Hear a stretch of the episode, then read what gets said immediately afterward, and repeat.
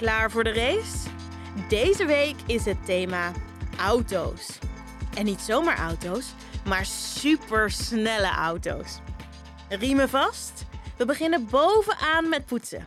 3, 2, 1. Race maar!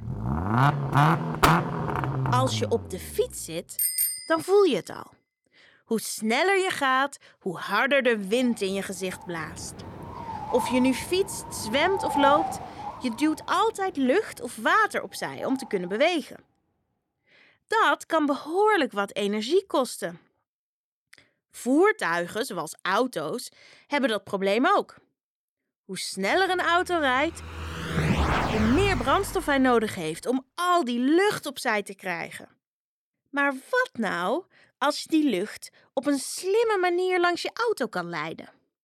Dan kan je sneller rijden en heb je minder brandstof nodig. Dat is ook nog eens beter voor het milieu. Autofabrikanten die testen daarom heel precies hoe de lucht langs hun auto's loopt. Weet jij nog waar dat getest kan worden? In een windtunnel! Draai nu je tandenborstel om en begin je ondertanden te poetsen. Vroeger werden nieuwe gestroomlijnde voertuigen in reclames vaak aangeprezen als de toekomst. Auto's kregen hierdoor een iconische status. Iedereen kende ze. Maar ondanks de populariteit vonden mensen die nieuwe vormen toch maar gewoon een beetje gek. In 1934 bracht autofabrikant Chrysler de Airflow uit. De opvallende ronde auto bleek een grote flop.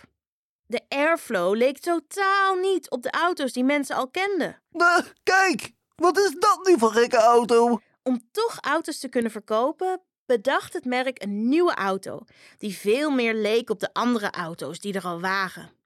En die, die werd wel verkocht. Grappig hè? Want nu vinden we het juist heel bijzonder om een auto te zien die er heel anders uitziet dan de auto's die we normaal op de weg zien rijden. Dat was het voor vandaag. Spuug je tandpasta uit en spoel goed je mond.